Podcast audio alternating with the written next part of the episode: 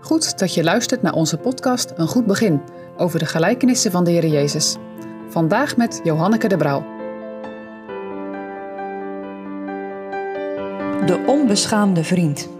We lezen met elkaar Lucas 11, vers 5 tot en met 9. En hij zeide tot hen: Wie van u zal een vriend hebben en zal te middernacht tot hem gaan en tot hem zeggen: Vriend, leen mij drie broden. Overmits mijn vriend van de reis tot mij gekomen is en ik heb niet dat ik hem voorzette.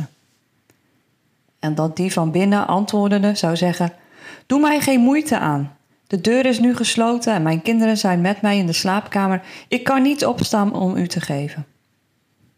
Ik zeg u, lieden, hoewel hij niet zou opstaan en hem geven, omdat hij zijn vriend is, nochtans om zijn onbeschaamdheid wil, zal hij opstaan en hem geven zoveel als hij er behoeft. En ik zeg u, lieden, bid en u zal gegeven worden. Zoekt en gij zult vinden.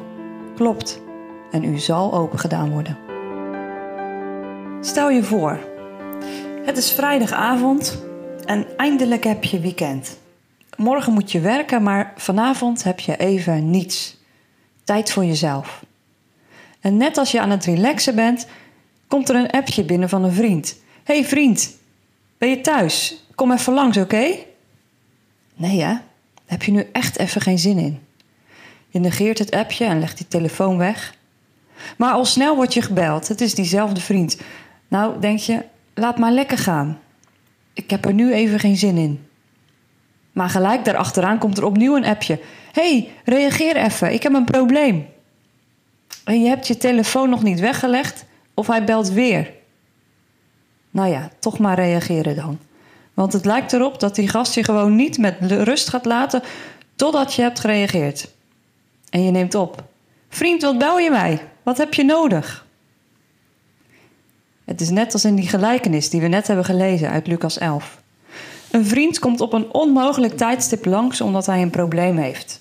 In dit geval heeft hij brood nodig. Het komt helemaal niet uit. En de ander heeft ook helemaal geen zin om te helpen. Maar omdat hij zo aandringt en zeg maar gerust op het brutale af, op het onbeschaamde af, geeft hij toe en geeft hij zijn vriend wat hij nodig heeft. De heer Jezus vertelt dit verhaal niet zomaar aan zijn leerlingen. Ze hadden namelijk daarvoor een vraag aan de heer Jezus gesteld. De vraag, Heere, leer ons bidden. En dan leert Jezus hen een gebed. Onze Vader die in de hemelen zijt. Het is gebed, het gebed wat jij ook vast wel kent. Maar hoor ik je denken, wat heeft deze gelijkenis dan met bidden te maken? Nou, die onbeschaamde, die toch wel wat brutale vriend, is ergens een voorbeeld voor jou en voor mij als het gaat om bidden. Want wat hij doet, dat moeten wij ook doen. Niet dat wij onbeschaamd of brutaal moeten zijn in ons komen tot de Heer, maar kijk eens naar de moeite die hij doet. Hij is dan toch maar gekomen, midden in de nacht, om iets te eten te regelen voor een vriend.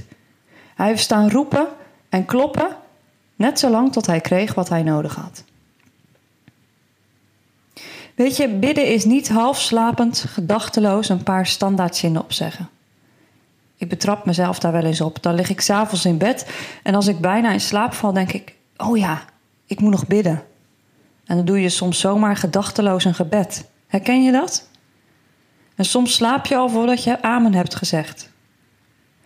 Maar de Jezus gebruikt in deze gelijkenis als het gaat om het bidden woorden die je aanzetten tot actie. Bid, klopt, zoekt.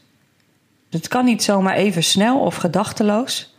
Bidden, kloppen en zoeken, dat betekent dat je actief bezig bent.